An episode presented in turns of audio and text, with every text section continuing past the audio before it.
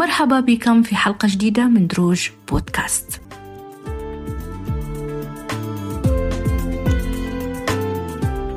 دروج بودكاست.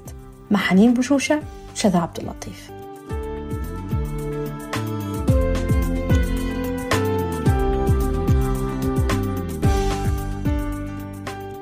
حلقتنا لليوم هي حلقة مميزة حلقة داعمة. بكل ما أوتينا من قوة لكل محاربات الأمراض ولكل محاربات سرطان الثدي في العالم وفي ليبيا تحديدا.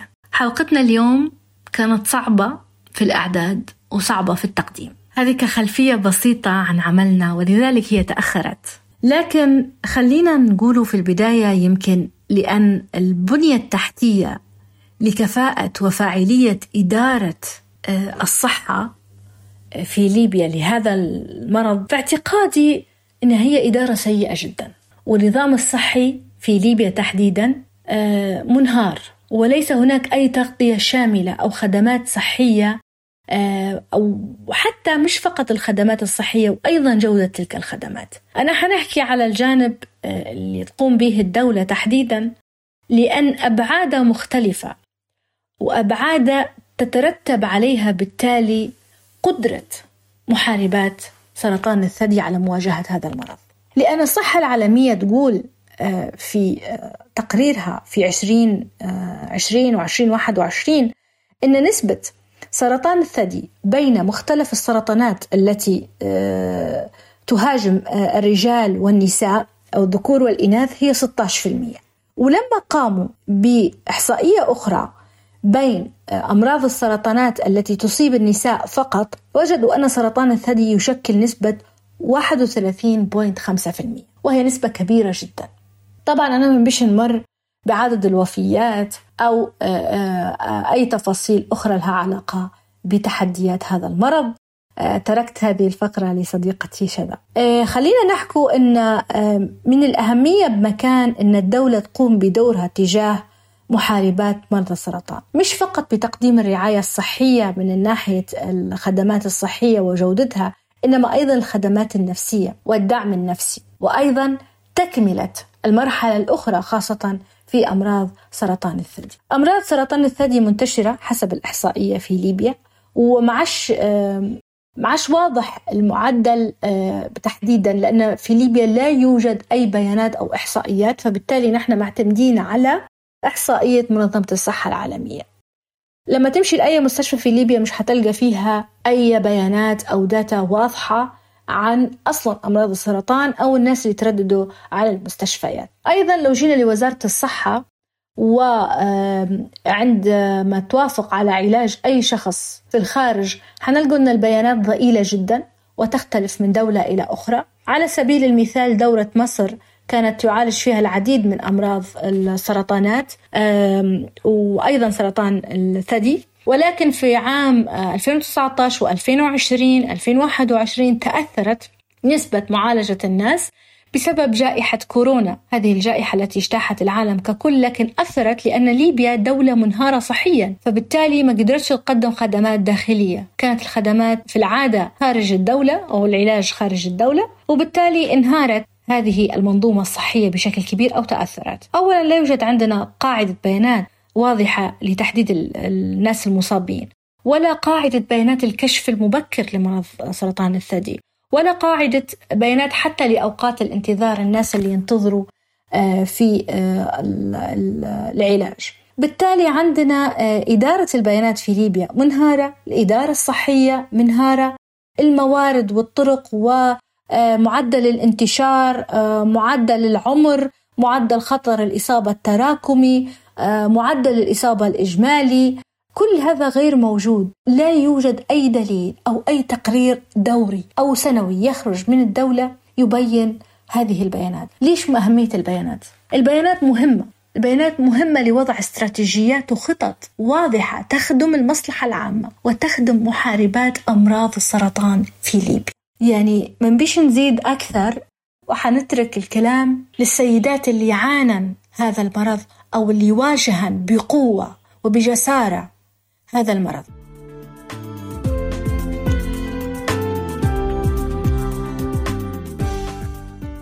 اسمي أحلام الفيتوري ماجستير إدارة أعمال عضو هيئة تدريس ببعض الجامعات الخاصة والجامعة بنغازي.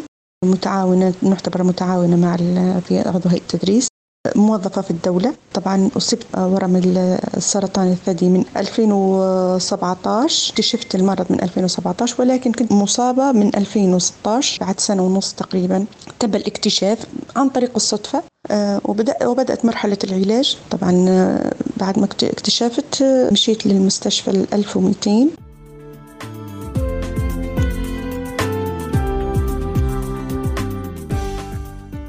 من الحاجات الحاجات القوية جدا اللي هي فترة العلاج الكيماوي.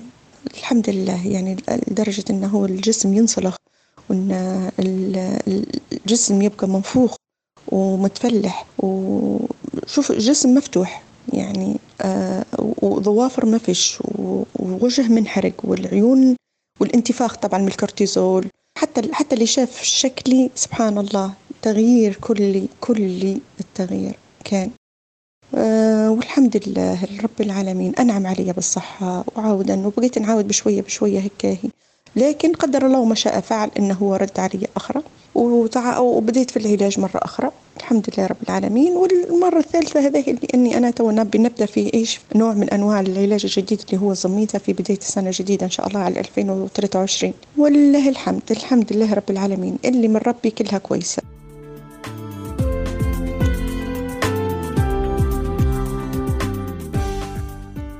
بعد ما دخلت للشهر بعد شهر من العملية داخلة أني أنا بخش بندير طبعا التخطيط الإشعاعي على أساس نبدأ في إيش؟ في الجلسات الإشعاعية.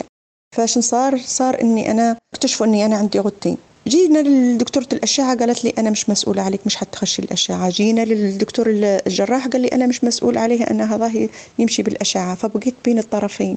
يعني كان أيام صعيبة جدا جدا علي بعد مشاورات والكذا والدكاترة جلسوا علي وشاوروا قرروا على أساس أن هي طبعا عملية والعملية قال لي على أساس أن هي سويعة من, من وقتك ومش حندير لك طبعا التبوات هذا الناهي. والإجراء اللي خذوه أنه هو الدكتورة اللي دارت لي العملية بالخطأ هي حولوها من قسم الأورام الأمتاع الثدي إلى قسم الأورام الأطفال.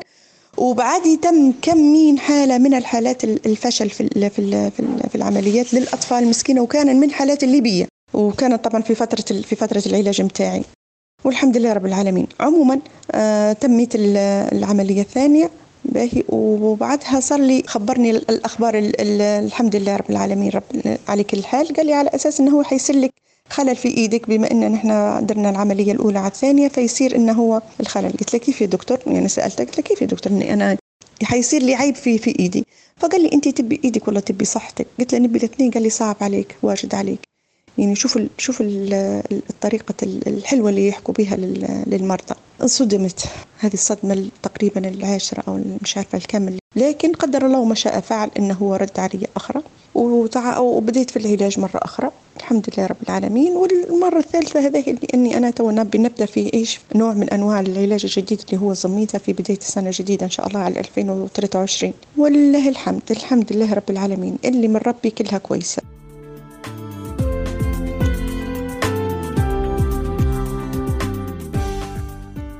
ما فيش حاجة وما فيهاش الآثار السلبية يعني وردة الفعل بالنسبة للمرأة.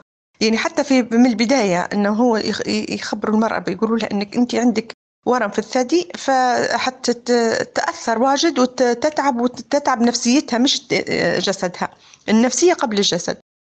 تأثر ولأنها أول حاجة أنه هو وخصوصا لما يقولوا لها استئصال للثدي أكيد حتأثر باهي وحيصير لها زعل وحيصير لها طبعا تبقى تفكر ما تفكرش في نفسها وتفكر في جسمها وتفكر في صحتها لا تفكر شنو يقول الناس عليها شنو شكل الناس وشنو الناس شنو يقولوا عليها وشنو ما يقولوا وإن مهمة إن هي خلاص بالنسبة للناس إن هي انتهت. هذا بالنسبة لبعض النساء ولكن بعض النساء الأخريات يعني ما يعدلنش عادي الأمور طبيعية وما فيش إن هي مثلا تعتبره مرض كيف هالامراض أما بالنسبة لي أنا بصراحة أنا كان مرض كيف هالمرض؟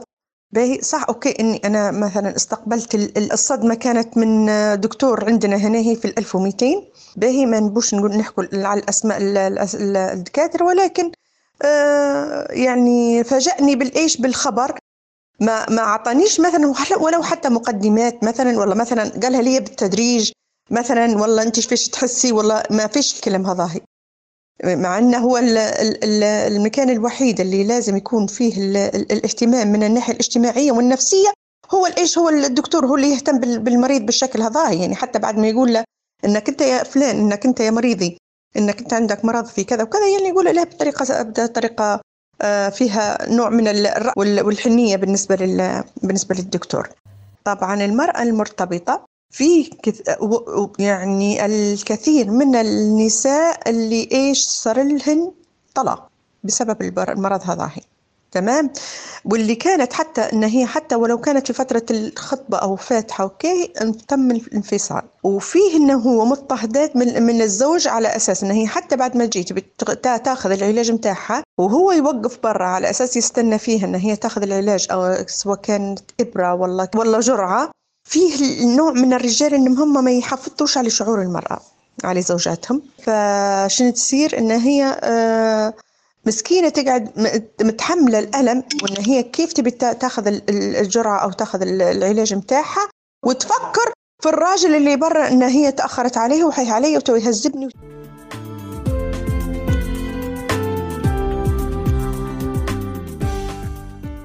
بيعد سرطان الثدي من أكثر الأمراض السرطانية انتشارا عند النساء بالرغم من أنه يعني ما كناش زمان بنتكلم عنه بأريحية أو إن إحنا مش بنسلط عليه الضوء آه، بشكل كبير أو بيحصل فيه زي إحراج عند النساء إن هي يعني تتكلم في حاجة زي كده لأنه جزء من جسدها لأن دي يعني جزء من التابو أو التقاليد أو الأعراف رغم إن هي ده شكل خاطئ للتعاطي مع مع مرض خطير بهذا الشكل. وبالعكس إحنا لازم إن إحنا آه، يعني يبقى عندنا وعي بإن إحنا نتكلم عنه بإن إحنا آه، نوعي السيدات إنه يعني يعني ما ما يتساقوش وراء الضغوط الاجتماعية اللي المرض ده كمان بيحطها عليهم. ولازم نوعي الناس إن ده مش مرض مثلا معدي أو مش مرض عيب إن إحنا نتكلم عنه. ده يعني نوع من أنواع السرطانات وإن هو للأسف بيشكل يعني يمكن 15 و7 من عشرة من كل مرضى السرطان في العالم هم من مرضى سرطان الثدي. وجدوا أنه يعني بيتم تشخيص إصابة واحدة من أصل 20 امرأة بسرطان الثدي لكن الملاحظ أن الرقم ده اختلف بشكل كبير حسب البلد. طبعا ده راجع لعوامل جديد يعني كتيرة منها اختلافات في انتشار عوامل الخطر الرئيسية اللي منها على سبيل المثال طبعا الوضع الاقتصادي للدولة ومدى توفر الخدمات إلى آخره وكمان الوضع الثقافي اللي آه، بيعرف الناس بأهمية الكشف المبكر لمثل هذا المرض. طبعا لقوا أنه في حالات الوفيات معظمها بتسجل في دول منخفضة ومتوسطة الدخل لأنه ما بيتمش تشخيص المرض إلا في حالات متأخرة للأسف. وده طبعا نتيجة الافتقار للوعي بالكشف المبكر عن المرض بالإضافة لوجود عقبات بتعترض سبيل الحصول على الخدمات الصحية لعلاجه بالرغم من أنه هو من أحد الأمراض اللي لو اكتشف بدري الحمد لله معظم الحالات بيتم شفائها. آه، مؤخرا لوحظ ارتفاع معدلات الإصابة بشكل ملحوظ في الدول اللي كانت معدلاتها منخفضة على مر التاريخ يعني في الغرب إحنا عارفين النسب كانت كبيرة لكن على الأقل في المنطقة العربية عندنا كانت نسبنا على مر التاريخ مش آه، عالية لكن للأسف ابتدت إن هي تزيد وده شافوه إنه ممكن يعني نرجعه لسببين. ممكن إن إحنا أدوات أو يعني آه، سبل التشخيص تحسنت أو تقدمت لكن كمان السبب الرئيسي هو التغيرات الاجتماعية والثقافية المرتبطة بإن إحنا بقينا بنواكب أسلوب الحياة الغربي. فحتى طريقة آه، غذائنا وأكلنا اتغير آه، بقى في زيادة في الاستهلاك في الدهون وال وبقى فيه سمنة وبقى فيه بناكل fast food وهكذا. دي طبعا دي حاجات يعني مش من أصل الثقافة بتاعتنا في المنطقة العربية. وطبعا انخفاض النشاط البدني آه، وهكذا. الزيادات المتوقعة في حالات الإصابة بسرطان الثدي من السيدات اللي من عمر 30 ل 69 سنة في الدول العربية من هترتفع من 72 ألف في 2020 توصل ل 96 ألف في 2030 الزيادات دي يعني تقريبا حوالي من 29% ل 40% في الدول العربية اللي كمان في بيانات بتتوفر عن هذا المرض لأن كمان لازم نحط في بالنا إن مش كل الناس بتروح تكشف ومش كل الدول عندها إمكانيات إن هي توفر البيانات وحتى لو وفرتها ساعات ما بتكونش آه، دقيقة أو صحيحة. لكن يعني بيبقى الأمل في فكرة الكشف المبكر عن المرض وتوفر الأدوات اللازمة للتشخيص والعلاج وكمان يعني ده كله بيخلينا يبقى في عندنا إمكانية للشفاء منه بشكل كبير جدا. طبعا على المستوى الدولي من سنة 85 اختاروا شهر أكتوبر عشان يكون التوعية بهذا المرض. فاختاروا اللون الوردي إنه يرمز لهذا المرض فبالتالي بيتم الاحتفال كل شهر آه، أكتوبر آه، عشان نوعي الناس بأهمية الكشف. وكمان على المستوى الإقليمي آه، في 2019 بقى عندنا في المنطقة العربية مبادرة إقليمية برضو بتوعي طول الوقت السيدات بأهمية الكشف المبكر عن هذا المرض. وطبعا الكشف المبكر مرتبط زي ما قلت بفكرة الأريحية وال... وال... وإن أنت تبقي مش محرجة أو مش حاجة عيب أو مش حاجة تنقص منك. بالإضافة لأن إحنا كمان محتاجين نوعي العيلة والأسرة اللي حوالين الشخص المصاب بأن هم مفروض يدعموه نفسيا في خلال المرحلة دي و... وإن ده مش مش حاجة مفروض تستخبى يعني. لأنه كتير سيدات أنا بسميهم محاربات لهذا المرض. ضغط عليهم وتعرضوا لكتير من الضغوط الاجتماعية من الشريك ومن الأسرة ومن غيرهم. بعد ما أصيبوا بهذا المرض وده شيء فعلا حزين جدا لأنه يعني بيوضح قد إيه إحنا الثقافة عندنا محتاجة إن هي توعية أكتر عشان يعني نقدر نفهم نتعامل إزاي مع أمراض بهذا الشكل يعني. طبعا عوامل الإصابة بسرطان الثدي بتتنوع وكتيرة. منها عوامل وراثية وهرمونية وحتى بيئية وبيولوجية واجتماعية وبدنية وغيرها. لكن تبقى النقطة الأساسية هي في توفر الكشف المبكر إن الحكومات أو حتى المجتمع المدني يوفروا آه، طرق للكشف المبكر تكون في متناول يد السيدات. والأهم إن يكون عند السيدات وعند المجتمع وعي بالأهمية إن هي لازم تتابع بشكل مستمر علشان لا قدر الله لو في أي بوادر تلحقها بدري. فهو ده يعني ديت أهم حاجة مفروض إن كل أكتوبر آه، من كل سنة بنوعي الناس آه، عليها.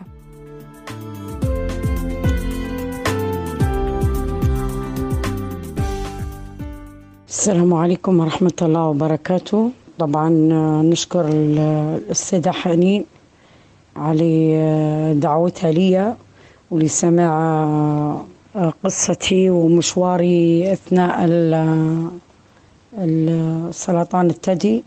طبعا اسمي سليمة مفتاح زيتون العمامي. كنت ممرضة بمستشفى الأطفال. بعد إصابتي بالكانسر آه، درت عجز طبي. طبعا أصبت الكانسر آه، سنة 2007 بعد سبع شهور من جوازي في بداية آه، مرضي يعني. فعلا مريت بفترات صعبة لأن في البداية ما قالوليش ورم يعني. خذيت أخذت العينة الأولى بحيث أنه هو برست آه، آه، ليفي عادي يعني. وبعدين عاودت العينة الثانية طلع عندي ورم خبيث. طبعا المرحلة الأولى وأجريت عمليتي 24 2 2008 وأخذت جرعات الكيماوي ستة والحمد لله يعني نشكر طبعا كل من دعمني. طبعا الدعم الأول أهلي وصديقاتي وأحبابي وأصحابي. بالنسبة لأثناء الكيماوي يعني فعلا أوعر مرحلة مريت بيها يعلم الله يعني كانت مرحلة صعبة جدا جدا. بس بإيماني وبإرادتي تجاوزت المرحلة هذه. طبعا تحديت المرض تحديت آه، ضغوط الحياة علي والحمد لله صبيت علي علي رجلي كيف ما تقول. وصارعت الحياة وصارعت المرض والحمد لله ربي شفاني يعني. أخذت بس جرعات كيماوي ما أخذتش ما أخذتش ليزر. لأن ما استحقيتش إني أنا ناخذ ليزر. طبعا لأن مستقبلاتي الهرمونية سالبة ما خذيتش مكملات ولا الواقي. وطبعا بعد ما طقيت آه، خمس سنين طبعا مراجعة كل شهر وبعدها كل ثلاثة شهور وبعدها كل سبع شهور وبعدها كل سنة. بعد طقيت مدة خمس سنين آه، طبعا ربي ما رزقنيش بخلفة. عديت بحيث إني أنا نجري على الخلفة لكن ما قسمش ربي. الكيماوي ضرب لي البويضات. آه، طبعا الدكتور منعني آه، من الزرع ولا المنشطات. آه، لأن قال لي ممكن الورم يرد لك من جديد. سعيت على جيز على جيزة جوزي وخطبت له وجوزته. بس يا ريت أقدر تصبايتي معاه وموقفي معاه يعني.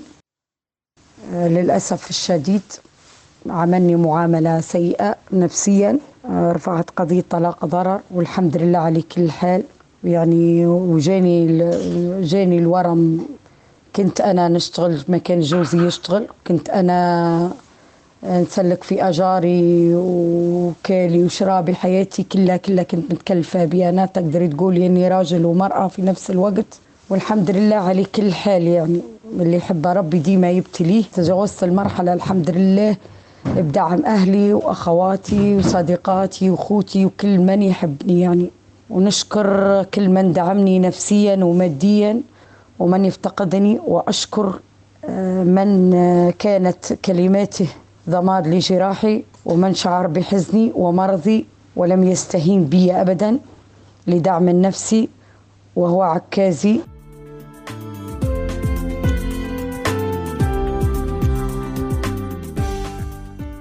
شكرا وبارك الله فيكم. واللقاءات هذه هي يعتبر كدعم حتى لنا نحن والمفروض إن هي المرأة تكون قوية. بالعكس أنت اختارك ربي من هالملايين. اختارك أنت عشان يشوف قوة صبرك وإيمانك. تصفي أي واحد يقول عليك إنك أنت آه أي كلمة. باهي إنك أنت انتهيتي وإنك أنت أنت ما عندكش تدي أو أو ما عادش تقدري تجيبي أو ما عادش آه، الكلام اللي اللي يهد المعنويات. الحمد لله رب العالمين اللي من ربي كلها كويسة. نحن نتقبلوا إرادة الله هذا حكم ربي علينا والمفروض أن نحن آه نتقبله. بشكل صدر رحب نطلعوا نعدوا ندهروا آه نشتغلوا آه نحكم على الناس. بس في نفس الوقت فيه بعض النساء قويات محاربات. ربي أنعم عليهن بالصحة وفيه وحدات ما زالن تحت العلاج. واللي اللي آه، منهن أنا. ما زلت تحت العلاج والحمد لله قاعدة ربي إن شاء الله يقدرني ويشفيني ويعافيني ويشفي جميع مرضى المسلمين.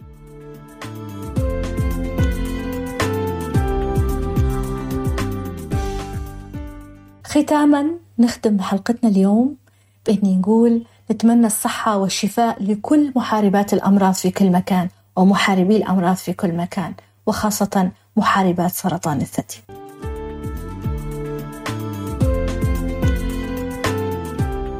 دروج بودكاست مع حنين بشوشة شذا عبد اللطيف.